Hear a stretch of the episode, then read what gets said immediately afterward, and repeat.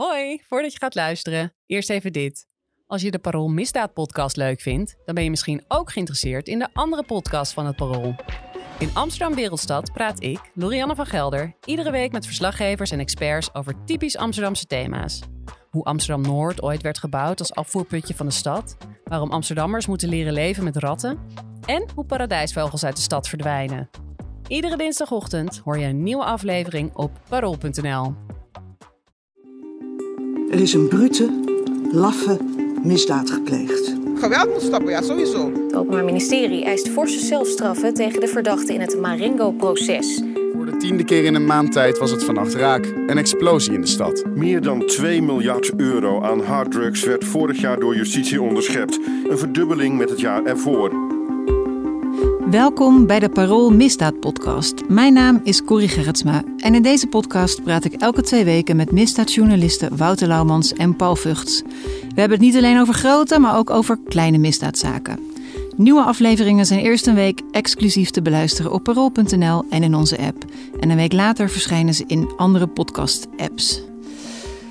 We gaan het deze aflevering maar weer eens hebben over Marengo. Het grote liquidatieproces tegen Ridouan Taghi en 16 medeverdachten. En dat sukkelt nog steeds voort. Taghi heeft inmiddels drie nieuwe advocaten die de gearresteerde Ines Wesky vervangen.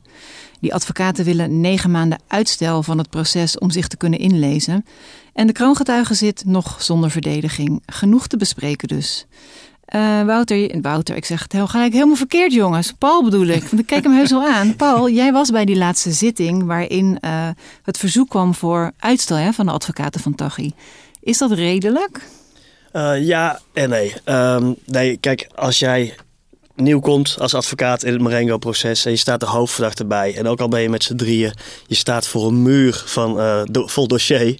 Als je het in papier zou zien dan is het natuurlijk voorkomen redelijk dat je tijd vraagt om je in te lezen. Want wat ga je anders kunnen doen als je dit proces niet kent? Ja, maar is het, letterlijk dat het ene advocatenkantoor zeg maar een soort uh, bestelbus dossiers naar, de, naar het andere kantoor brengt? Dat was moet je alles weer overnieuw gaan doen? Voorheen, toen het, uh, toen het nog niet digitaal ging, was dat inderdaad het geval. We moeten hier natuurlijk wel, uh, want dat is de andere kant van het verhaal, heel erg rekening mee houden hoe ver het proces Marengo in eerste aanleg nu al is voortgeschreden. We hebben al lang de strafeisen gehad, vorig jaar zomer, levenslang voor Tachi en ook voor uh, een paar andere verdachten. We hebben al lang pleidooien gehad. We hebben al lang dupli of de repliek, de reactie van uh, het Openbaar Ministerie gehad. We hebben al lang dupliek gehad.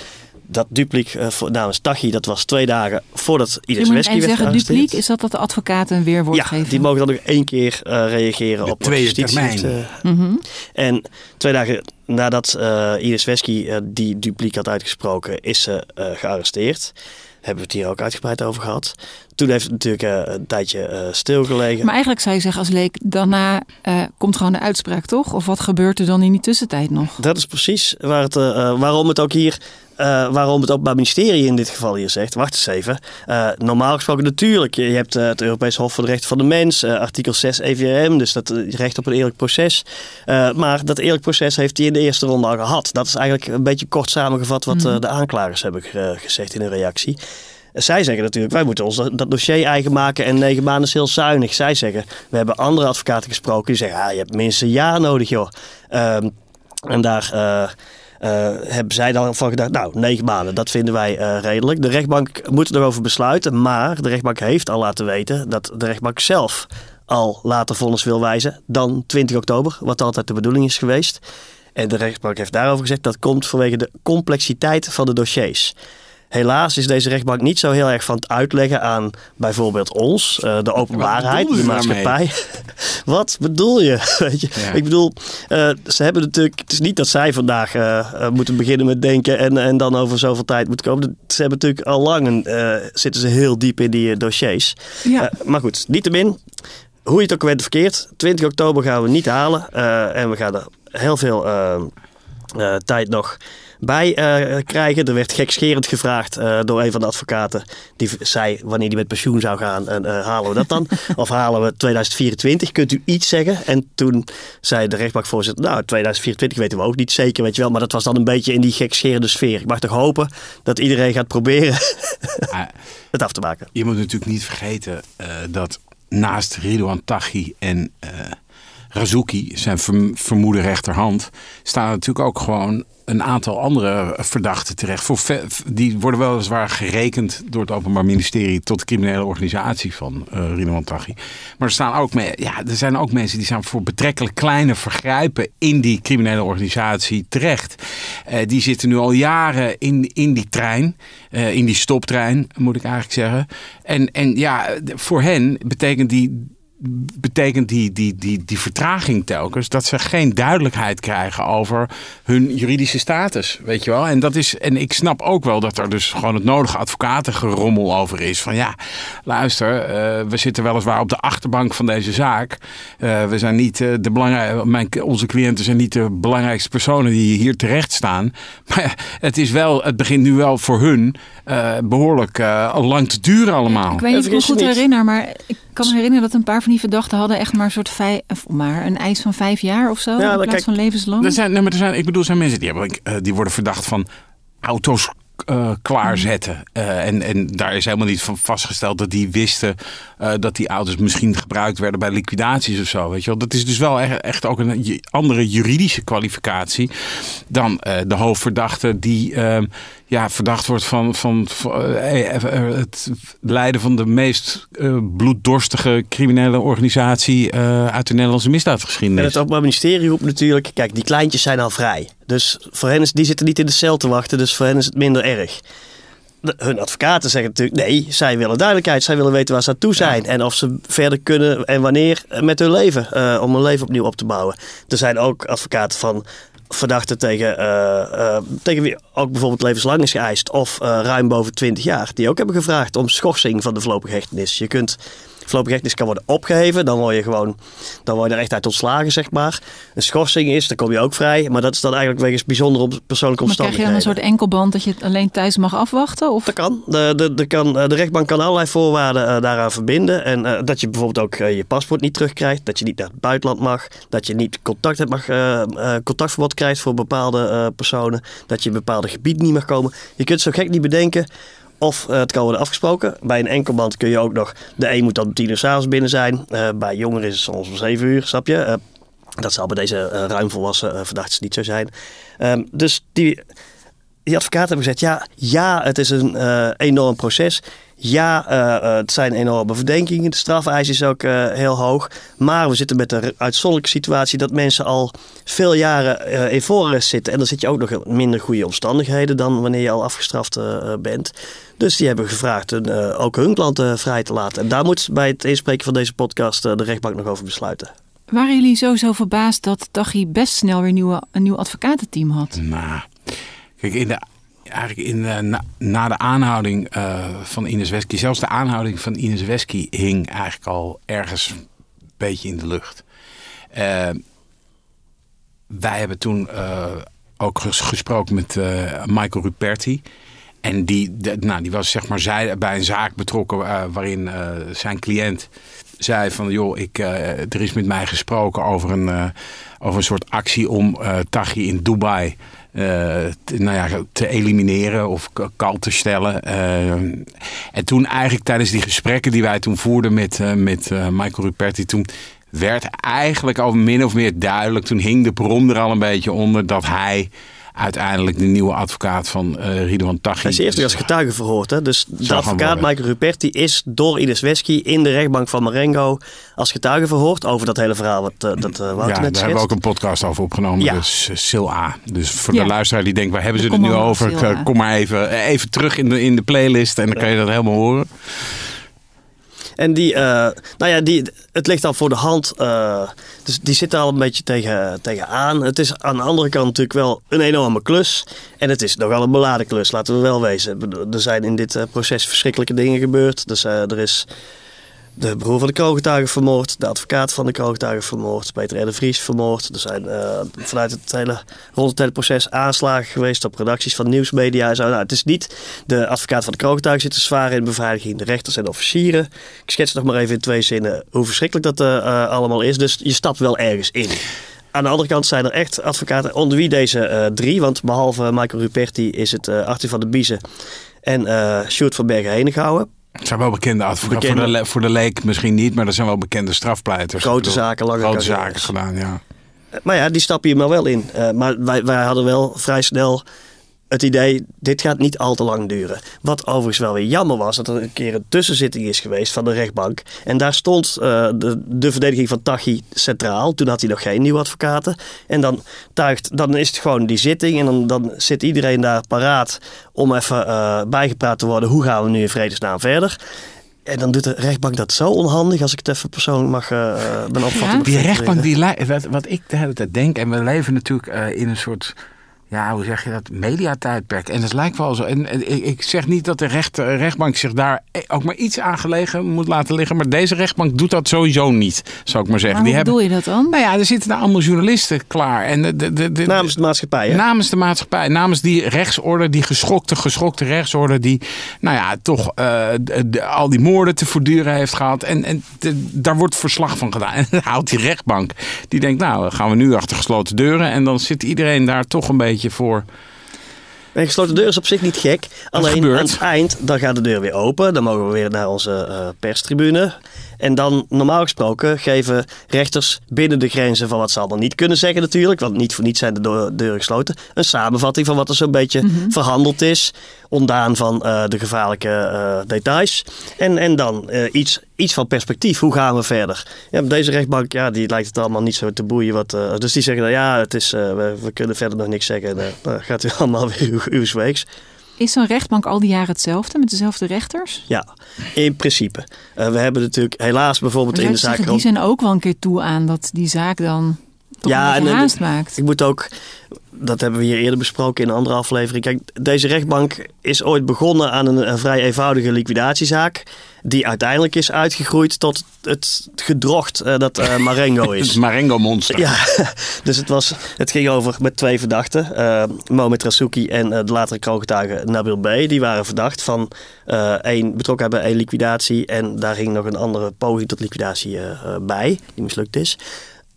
Dat, dat was de rechtbank ooit begonnen. En stap voor stap kwam de hele groep Tachi erbij. En zitten ze met 17 verdachten en met eh, jarenlang sleep. Daar kon deze rechtbank ook niks aan doen. Maar ja, het is in principe zo dat de hele combinatie hetzelfde blijft. Helaas hebben we bijvoorbeeld in de zaak over de moord op Peter R. de Vries wel eh, grote vertraging opgelopen. Omdat daar één rechter geëmigreerd is naar het buitenland en een nieuwe rechter erin en zaken samengevoegd. Nou goed, dat is een uitzondering gelukkig. Maar hier in Marengo, ik heb soms, ja, ik, ik vind het soms zo rommelig gaan. Snap je? Juist zo'n belangrijke zaak, dan zou je andere recht- rechters zouden iets meer regie nemen en iets meer sturing geven aan eh, eh, hoe nu verder en eh, wat Ja, zijn wat ik kan me wel voorstellen dat er zoveel mensen bij betrokken zijn. Nou ja, het is gewoon een, wat, wat Paul ooit wel eens heeft geschreven, een procedureel gedrocht. Maar dat heeft Paul geschreven over een, over een andere strafzaak. Eh, dat is de, de, de, de strafzaak die draaide om liquidaties binnen de Hollandse netwerken. Eh, ja, en, en dan loopt het toch weer zo uit de bocht. Vliegt het toch een beetje. Dat je denkt, het is zoveel en zo veelomvattend. Ehm, en je ziet in andere zaken wil, wil de rechtbank nu ook maar wat graag gewoon eigenlijk zaken afsplitsen. Dus het is makkelijker als je gewoon compactere strafzaken hebt. Waarbij je gewoon zegt, nou oké, deze, deze drie verdachten. Die worden samen voor eh, verdacht van een moord. En hupsakee, eh dat gaan we, dit, dit gaan we uitzoeken. En eh, die veroordelen we of niet. Eh, en dan is het klaar en door naar de volgende. Dat Hadden vragen sommige eh, ehm, advocaten hier overigens ook al een hele tijd. Splits onze, de zaak van mijn verdachte maar af. Ja. Wijs vonnis, kan hij door. Dat kan ik me voorstellen met die kleintjes, maar misschien ook met Said Razouki, die eh, natuurlijk als, eh, nou, laten we zeggen, de rechterhand van Tachi een van de grote vissen is ook in dit proces. En die kwam er ook veel later bij. En nu is hij toch toegevoegd weer aan Marengo. Ja, maar in die hele beeldvorming. En dat, ik bedoel, dat, dat- kijk, zo'n proces, zo'n strafzaak begint. Hè, dat begint eerst met een heleboel ruis en gedoe. En dan hoor je de naam Tachi en hoor je de naam Razouki. En gaandeweg is dat beeld van die rechterhand. Dat die Said Razouki de rechterhand was van, eh van Tachi. Ja, dat is ontstaan. En dat, is ook, dat blijft dan voortleven in de media. En iedereen die deze zaak natuurlijk nauwkeurig heeft gevolgd. weet dat dat, dat, dat beeld ook wel enige nuance minstens behoeft. Er is op zijn minst volgens justitie ook nog een linkerhand dan. Een Mao R bijvoorbeeld. En Ja. die zijn broer, Mario R, dus hangt daar weer aan. Dus het is niet zo simpel als eh eh eh, hoofdverdachte rechterhand, linkerhand. En de, het is wel zo dat ja, er is tegen een heel clubje levenslang gevormd natuurlijk. En daarvan, kijk, de rechtbank heeft die zaken bij elkaar willen houden. Omdat de kern is natuurlijk, was aanvankelijk kroongetuige eh Nebel B. Daar zijn natuurlijk heel veel van die ontsleutelde eh, PGP-berichten bijgekomen, waar we het vaak over eh, gehad hebben. Maar het is wel één feitencomplex. Het is één, een, Wouter vergelijkt de, de zaak graag met een trein. Een trein die helaas overal stopt. Een stoptrein, ja. maar, maar die trein, al die wagonnetjes horen wel bij elkaar. Snap je? Dus ehm, eh, de, de rechtbank wil het wel bij elkaar houden. Dus voor zover tot nu toe hebben gehandeld. En nu zijn we zover eh, dat je zou denken... Nu gaan ze niks groots meer beslissen. Behalve, zou ik zeggen, over die hele kleintjes. Als je Koppel dat eens toch even weet, die wagonnetjes af. ja, en dat willen wij gewoon weten. Ook, ook eerder al tijdens dat, dat. Soms zouden we willen dat die rechts iets meer in hun hoofd lieten eh, kijken. Van wat, ze- hoe zij hier tegenaan kijken. En niet steeds maar, oh ja, we beslissen over een paar dagen. En dan gooien ze een of ander de- klote persberichtje over de heg. En eh, dan moeten wij het weer eh, ja, mee Maar denk, je, maar denk je niet ook, ik bedoel, ik, ik heb bij toch de afgelopen tijd, en jij helemaal, bij heel wat beladen strafzaken gezeten. Hè? Bijvoorbeeld de zaak Mandel tegen de advocatenneef van eh Ridwan Taghi. Dat was echt een hele be- beladen zaak. Maar ook de zaak Eris, dat is een hele beladen zaak. Die gaat ook over eh, grof onderwereldgeweld. Gelieerd aan de zaak Marengo. Gelieerd aan de zaak Marengo. Eh, en dat je dan toch denkt van ja jongens, weet je, deze combinatie is... Misschien zit hij, en dat is speculeren, dus, eh, maar die zit toch ook, lijkt soms wel eens een beetje dat hij met een, een steen in de maag zit met deze hele zaak. Weet je wel, dat je denkt van joh, als het bij andere zaken gaat het redelijk strak op de bal. En hier is het gewoon toch wat ingewikkelder. En dat zal te maken hebben met procedures, maar dat... Het valt met een wel ander op. type kroongetuigen. Bij Ja. Eris had je, heb je kroongetuigen, laat ik zeggen, daar zijn weinig moeilijkheden om, omheen geweest. Nou, rond de, de kroongetuigen Nabel B in Marengo zijn natuurlijk wel heel erg veel moeilijkheden geweest. Ja, dat is een mooi haakje, Paul. Want eh, in de intro zei ik al, hij zit ondertussen nog zonder verdediging. En eh tweede waar we het even over moeten hebben, is dat Razuki bij zijn laatste woord nog een soort beschuldiging heeft geuit Ja. aan die kroongetuigen. Hè? Ja. Misschien nou even mee beginnen. Nou ja, ja, die zei van, die, zo, eh, nou, die, zei van eh, eh, die kroongetuige die is betrokken geweest bij een moord. En dat, is een, dat is een hele lelijke moord. En dat, maar dat, dat kwam ook weer zo laat. Eigenlijk als een soort duveltje uit een doosje kwam dat weer tevoorschijn. Dat je denkt van oké, maar als dat zo... eh, dat, is, dat is misschien, vind jij dat dus kennelijk heel belangrijk. Waarom kom je daar nu mee? Had jij dat, is het niet het Ja. idee wat jij, eh, Ja, jij dat- had? het was heel raar. Hij had twee kantjes eh, verklaring ge- gemaakt en las dat voor. En het lijkt te gaan over een moord in 2012, eh, waarbij het slachtoffer uiteindelijk in stukjes is eh, gehakt. Dat heeft uh, ook gezegd. Kijk, maar als jij serieus vindt, kijk, en als dat zo zou zijn, als Nebel B een moord zou hebben gepleegd en zou hebben verzwegen, nou, dan kunnen de advocaten daar allerlei verweer aan koppelen. Ehm, het Openbaar Ministerie zegt, eh, nou ja, ten eerste valt het buiten de periode waarover eh Nebel B zich verplicht heeft te verklaren. Zo, nou, al dat soort details. Maar als jij wil dat dit serieus wordt onderzocht, dan moet je niet dat in je laatste woord. Het heet ook niet voor niks laatste woord, daarna gebeurt normaal niks meer.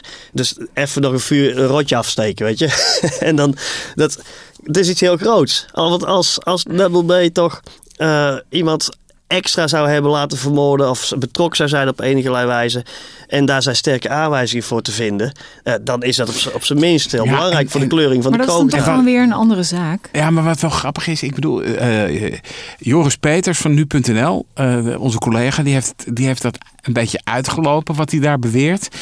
Eh, en nou, inderdaad, die, die Said Gezoeken, die, die koppelt dan zo'n, eh, die heeft dan opeens een moord die eh, blijkt te passen bij een verdwijning in 2012. En dat is wel geestig, want daarmee is Peters, die is, is, is gaan, gaan puzzelen. En inderdaad, er blijkt inderdaad een verdwijning te zijn geweest in 2012. Eh, Hugo Charles, die, die is verdwenen. En daar is, maar daar is ook heel veel aandacht aan besteed in de media. Dus de vraag is dan gelijk van heeft deze Razuki die dat nu beweert, heeft hij dat uit de media en probeert hij dat eh, op die kroongetuigen te gooien? Of is dat echt eigen wetenschap? Snap je? Want zo'n oude zaak, ja, daar is al heel veel over gepubliceerd. Maar het is, het is dan wel weer zo'n raar pikant ding. Wat dan opeens als een soort duveltje uit een doosje. dat, dat proces weer wordt Hoe, ingestoken. reageerde, hoe re- werd erop gereageerd? Ja, dan? eigenlijk niet. Heel lauw. En, eh, en het is bijvoorbeeld een standaard verweer van advocaten. Die zeggen van kroongetuigen altijd van... Ah, dit kan niet allemaal... Of andere belangrijke getuigen. Dit kan niet allemaal bij elkaar gegoogeld hebben. Eh, en dit stond in dat boek. En dit stond zo, zo, zo in een tijdschrift. Eh, dus die kroongetuigen kunnen we niet vertrouwen. Want die heeft hier eh, van alles gelezen en daar een verhaaltje van gemaakt. Dat is wat veel advocaten vaak zeggen in eh, grote zaken. En nu komt die zo'n verdachte zelf met zo'n onverifieerbaar verhaal. Als het tenminste op de slotdag zo'n beetje komt. En nu uiteindelijk... Er zijn advocaten die, die dus op de recentste zitting, toen de rechtbank al had besloten dat het gaat weer oeverloos uitgesteld worden.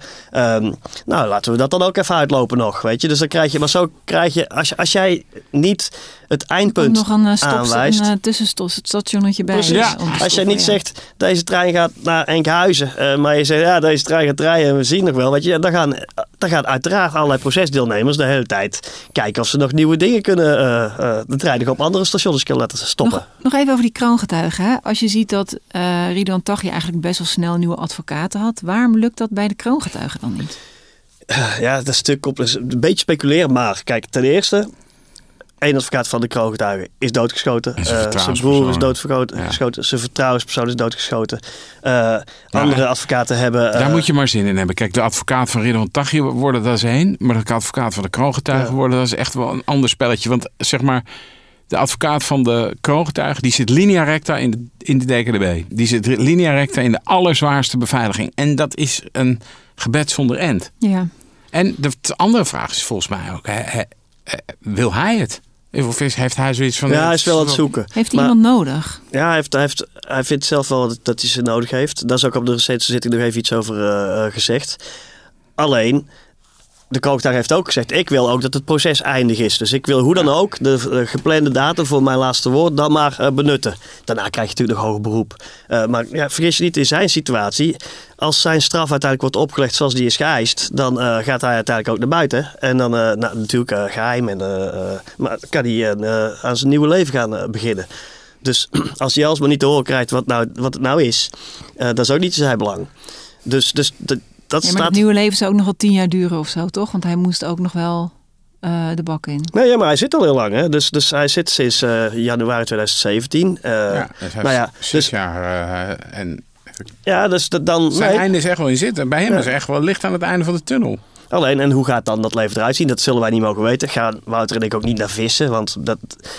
eh, Ja, wat ga je ermee doen? Want ja, gaan we dat eens publiceren? Ja, we weten waar die is en dan kan hij allemaal gevaar lopen? Nee. Dus, ehm, maar wel, iedere verdachte zo'n beetje heeft op zijn eigen manier een belang om duidelijkheid te krijgen in deze zaak. En, nou ja, en dat blijft alsmaar uit. En voor een deel is dat eh, door de, hoe de dingen nu eenmaal gaan. Maar ehm, kijk, sommige advocaten verwijten het Openbaar Ministerie ook dat ze Wesky eruit trekken.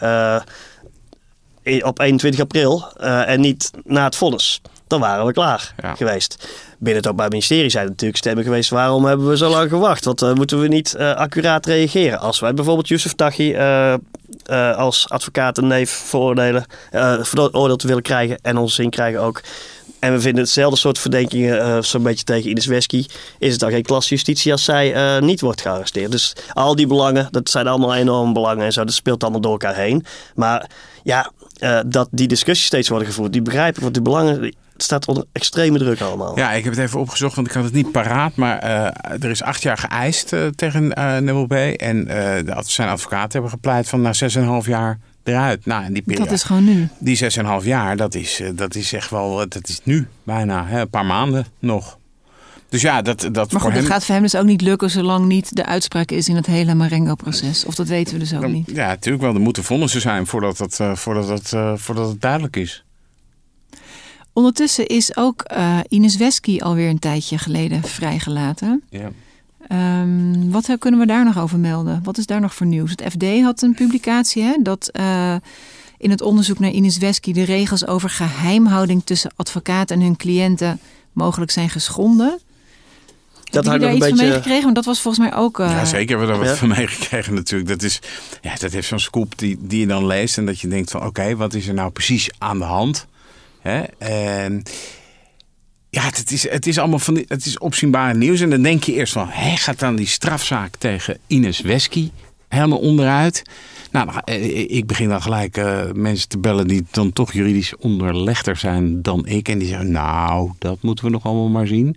Het zou eh, op zijn best strafverminderend kunnen werken. En dan ga je, ja, dan ga je verder rondbellen. En, en dan, dan hoor je ook gelijk van, ja, als dit het enige is, dan valt het wel mee. Maar misschien zijn er wel meer dingen geweest. En sommige dingen zijn er uitleggen, onduidelijk. Ja. wat er, Ja, sorry, dat- we gaan een beetje te snel misschien. ehm, eh, blijkbaar is er, eh, heeft justitie of de politie informatie ingezien Ja. die ze niet hadden mogen inzien. Nou, kijk, eh, er is dan op 21 april is het die inval geweest. Bij haar thuis, in haar kantoor.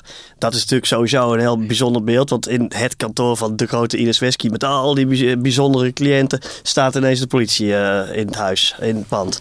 En, maar dat is natuurlijk met een onderzoeksrechter erbij. Dat is natuurlijk met de deken van de Orde van Advocaten erbij. Dat gaat allemaal heel omvloerst. En dan hebben ze allemaal, dat heet in een lelijk jargonwoord... gegevensdragers. Dat kunnen laptops zijn, sticks, weet ik veel, harde schijven.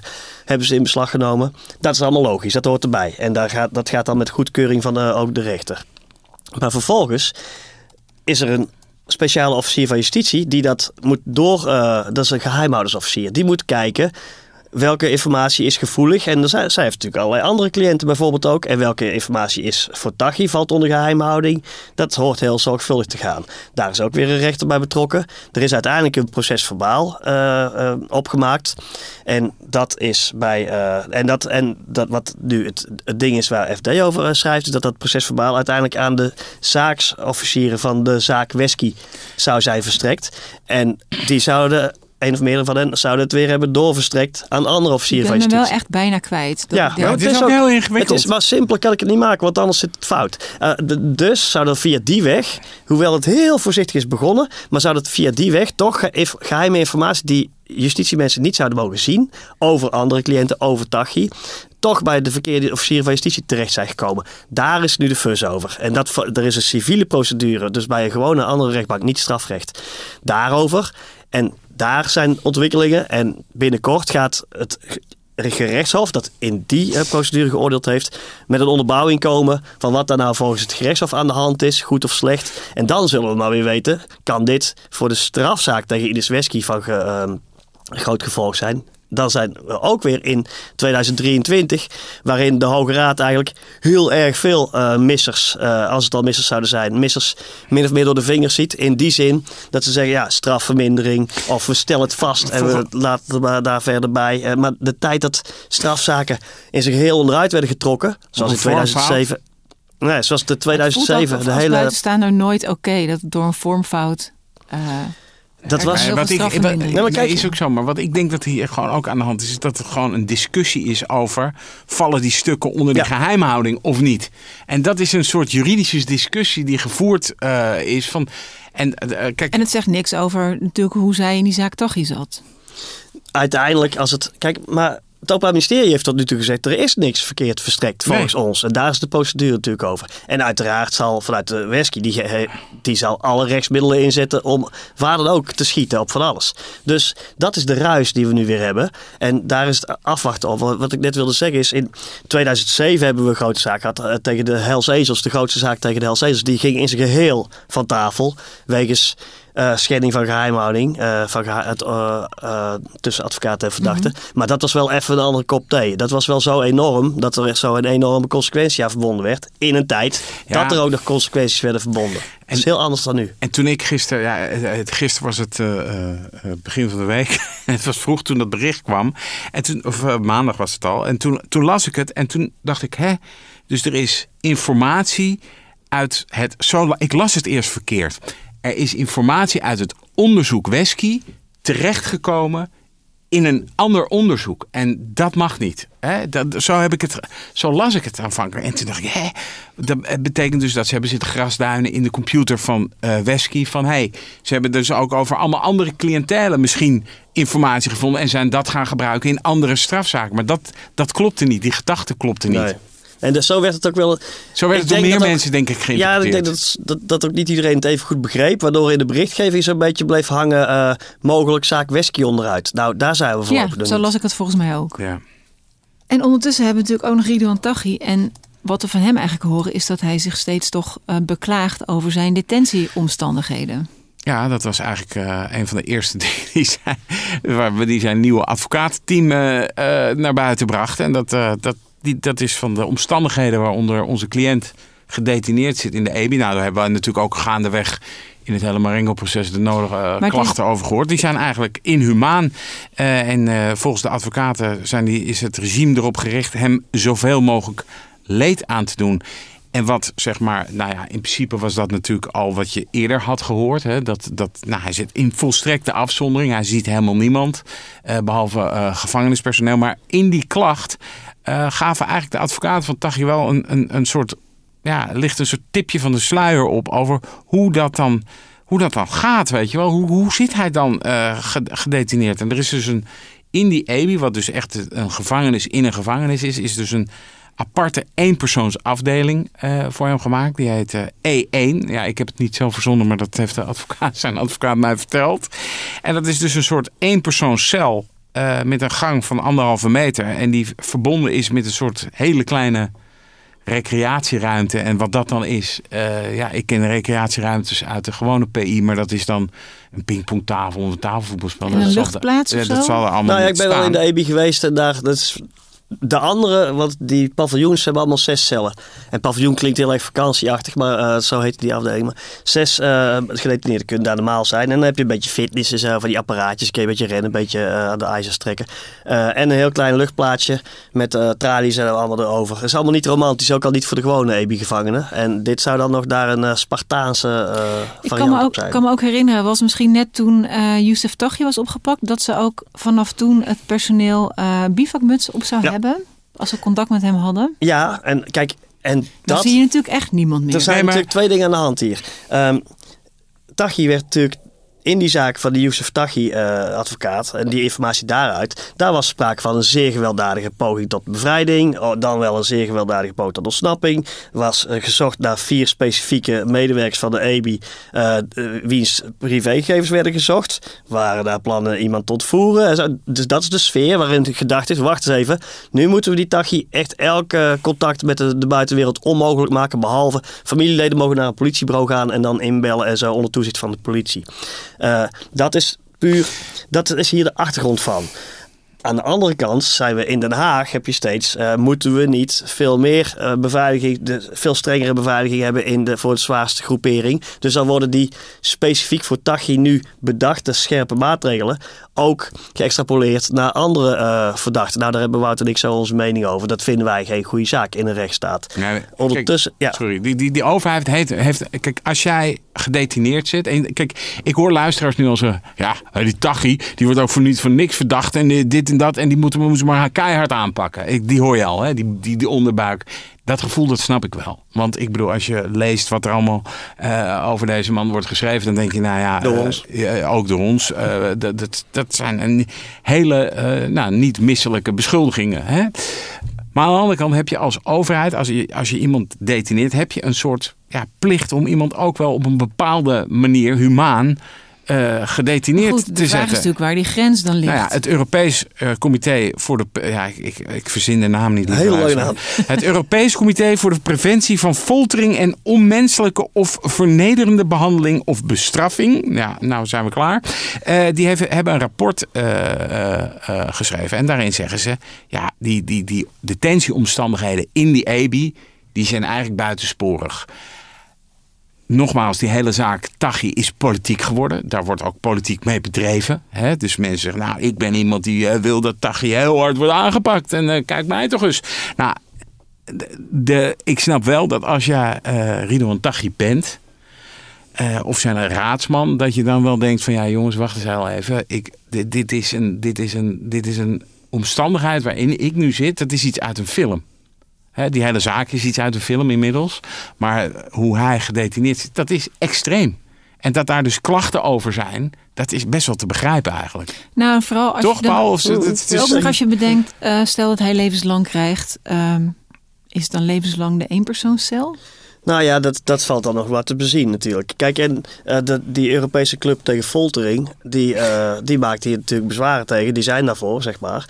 Uh, en daar zal discussie over zijn. Maar je kunt niet iemand tot, tot aan zijn dood in zo'n soort situatie laten wegkwijnen, zeg maar. Een mens is een sociaal wezen. Dus een mens heeft gewoon een soort elementaire behoefte aan andere mensen om zich heen. En niet, de straf in Nederland is vrijheidsbeneming. Verder niks. Dus de, het, we, iemand heeft geen vrijheid meer. En verder gaan we niet iemand zijn levensduur maken. Daar moet ik dan wel weer terugkomen op de omstandigheden waarom dit is, uh, zo is gekomen. Ook waar. Uh, enorme vrees dat hij nog meer volgens het Openbaar Ministerie terreur uh, jegens de maatschappij zou organiseren. Dus dat, daar moeten we natuurlijk wel oog voor hebben. Alleen uiteindelijk voor de lange termijn kun je waarschijnlijk kun je hem niet zo op deze manier blijven detineren. En en daar zal ook evenwicht worden gezocht. Moet ik ook weer bij zeggen dat de, er is, Nederland wordt door het Europese Hof voor de Rechten van de Mens best vaak op de vingers getikt en zo. En uh, ik vind het toch opvallend, want we denken toch dat wij dat allemaal best wel netjes doen. Weet je, is niet zo. Wij zijn niet. Je bent geen cel in Egypte of in Turkije of in Marokko oh, of nee, in Zuid-Amerika. Uh, actief folteren, dat gebeurt hier niet. Dus echt mensen... Uh, um, of met z'n twintig op een cel. Nee, en ook België heeft al. De, de, er is laatst een rapport in België van de commissie van toezicht gekomen. En daar zetten foto's in. Een advocaat attendeerde we erop. Hebben we samen zitten googelen. Um, en dan zie je de foto's hoe sommige Belgen gedetineerden. Ja, stapelbed. Uh, waar, waar, twee mensen in komen. En, en een dun matrasje daarnaast. liggen ze met z'n drieën in één celletje en zo. Nederland steekt in principe tegen veel landen wel gunstig af. Maar het is niet zo dat Nederland het, uh, uh, het Roomse. Roomser is dan de paus. Zeker, Zeker niet met deze extreem gevaarlijk geachte uh, gedetineerden.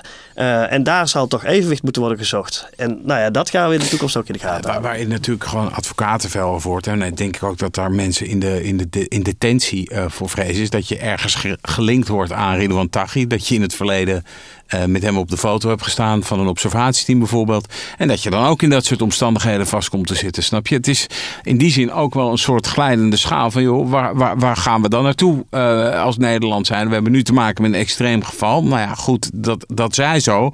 Maar is het niet zo dat daar een mandje wordt gecreëerd waar nog steeds, waar ook allemaal rand, randfiguren misschien ingegooid gaan worden? En dat is nu echt een beetje de, de discussie die gaande is. Er was uh, deze week, en misschien is dat om af te sluiten wel aardig. Uh, Willem Holleder is geopereerd in het uh, Leids Universitair Medisch Centrum aan zijn hart.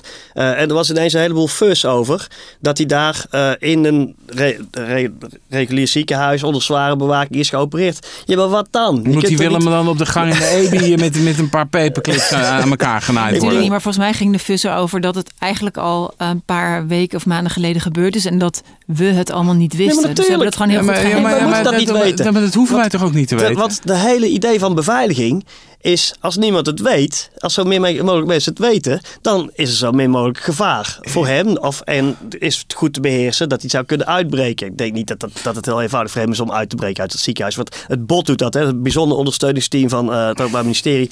Dat ziet eruit als mensen van het arrestatieteam. Zeg ja, maar, toch, in films gebeurt het altijd als ja, in, in films. Ja, maar het probleem, en dat is het probleem, dat er uh, inmiddels in filmische scenario's wordt gedacht. Uh, en ja, goed, uh, Willem Holleder, ook daar heeft de staat een zorgplicht. Als iemand het aan zijn rikketik krijgt in de bias, dan moet de, de, de staat daar iets voor gaan verzinnen. Kun je wel zeggen van ja, maar hij is veroordeeld voor allemaal afgrijzelijke dingen. Ja, betekent niet dat hij maar gewoon reutelend op zijn brits moet liggen. Zo werkt het gewoon. Maar er is ook, we gaan er even. even maar niemand zegt ook hè, dat hij niet geopereerd moet worden. Dat was nee, meer een soort. Nee, maar er wordt, nee, maar er wordt een soort, er wordt een soort uh, sfeer gecreëerd van ja, joh, uh, dan zou hij mogelijk contact kunnen hebben met de buitenwereld. En dat is dan, ja, zou mogelijk, ja, oké, okay, weet je wel. Maar en, er is ook iets van iemand gaat van A naar B.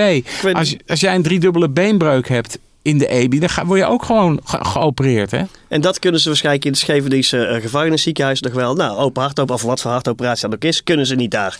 En laten we er even niet aan voorbij gaan dat hij gewoon 2007, uh, toen, hij met, toen hij bijna dood was met zijn hartproblemen, is hij ook daar gewoon uh, geopereerd. En er was er heel wat minder fus over. Maar we leven in een tijd waarin natuurlijk overal enorme fus over wordt gemaakt. En er wordt al moord en brand geschreeuwd, terwijl er volgens mij niet zoveel aan de hand is. Hij is daar onder zware bewaking geopereerd en inmiddels weer terug in de EBI, als ik het goed begrijp. En hij houdt van tosties. Uh, Paul en Wie, Willem Holleder? ja. Oh, en van Cola Light. Dat, dat heb ik gelezen in uh, een andere krant dan de onze. Ja, zeker niet in het parool. Precies. Maar, um, heren, we gaan het hierbij laten. Uh, en voor alle luisteraars, dit was even de laatste uitzending. Uitzending zeg ik, de laatste podcast uh, voor de zomervakantie. We gaan er een paar weken tussenuit. We zijn eind augustus weer terug. Hebben jullie in de tussentijd vragen en opmerkingen? Mail ze dan naar misdaad.parool.nl. En wil je meer misdaadverhalen lezen van Paul en Wouter? Nou, vooral van Paul, want Wouter gaat in ieder geval eerst op vakantie. Download dan de app van het Parool of ga naar parool.nl. Mijn naam is Corrie Gerritsma en deze podcast werd verder gemaakt door Wouter Laumans en Paul Vugts. Met dank aan Daan Hofstee en Josien Bolthuizen. Dank voor het luisteren en tot over vier weken.